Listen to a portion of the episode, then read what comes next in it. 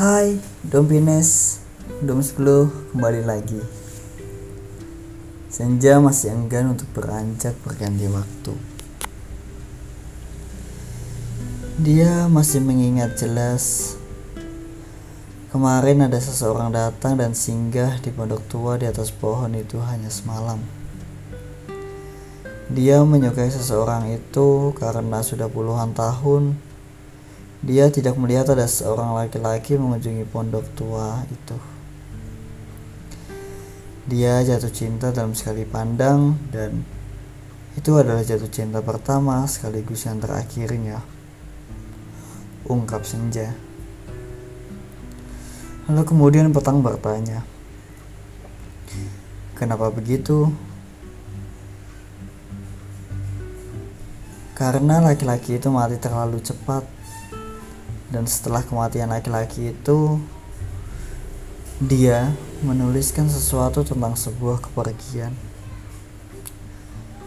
Begini, pertemuan yang terlalu singkat dan jatuh cinta yang begitu kilat, terlalu silau bagi mata ini yang terlalu dalam, terlalu lama, diam dalam gelap.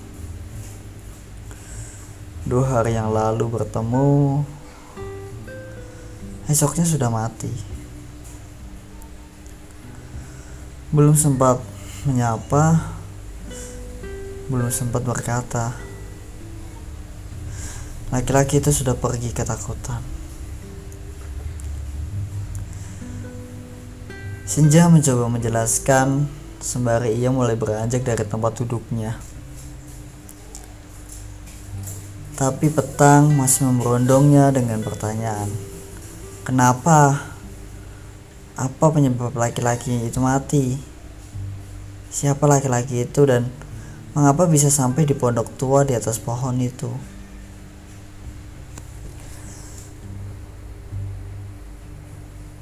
Laki-laki itu adalah pendaki yang sedang mencari tempat istirahat. Yang kemudian melihat pondok tua itu untuk rehat sejenak.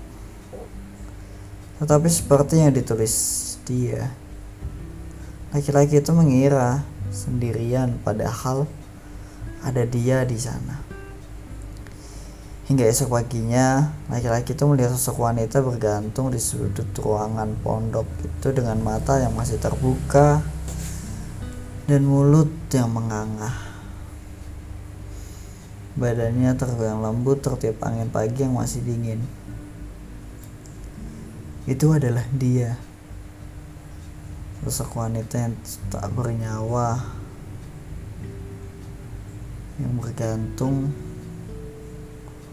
dengan mata yang masih terbuka dan mulut yang menganga.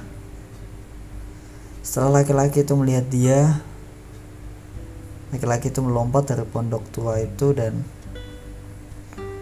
mati dan jasadnya menjadi sarapan bagi hewan buas di sana.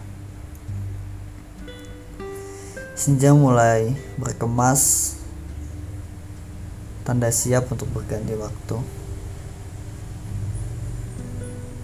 Lalu petang mencoba untuk menarik sebuah kesimpulan. Oh, jadi dia adalah arwah seorang perempuan yang mati bunuh diri di dalam pondok tua itu. Bukan, dia tidak mati bunuh diri. Tukar senja. Lalu, Patang begitu penasaran.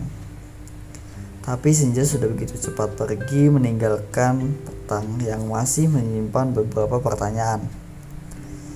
Setidaknya petang sudah mulai tahu bahwa dia itu ternyata adalah sosok arwah yang sedang menanti dan bahkan kisah cintanya pun belum usai. Ketika petang hendak beristirahat, petang berpesan kepada malam. Malam, jangan jadikan malam ini terlalu gelap. Izinkanlah sedikit bintang menyapa agar pelaut membaca rasinya. dan juga jangan jadikan malam terlalu dingin agar tunawisma nyaman dalam istirahatnya tapi di lain tempat bolehlah izinkan hujan turun begitu deras agar yang sedang menangis bisa bersemayam di bawah rintiknya.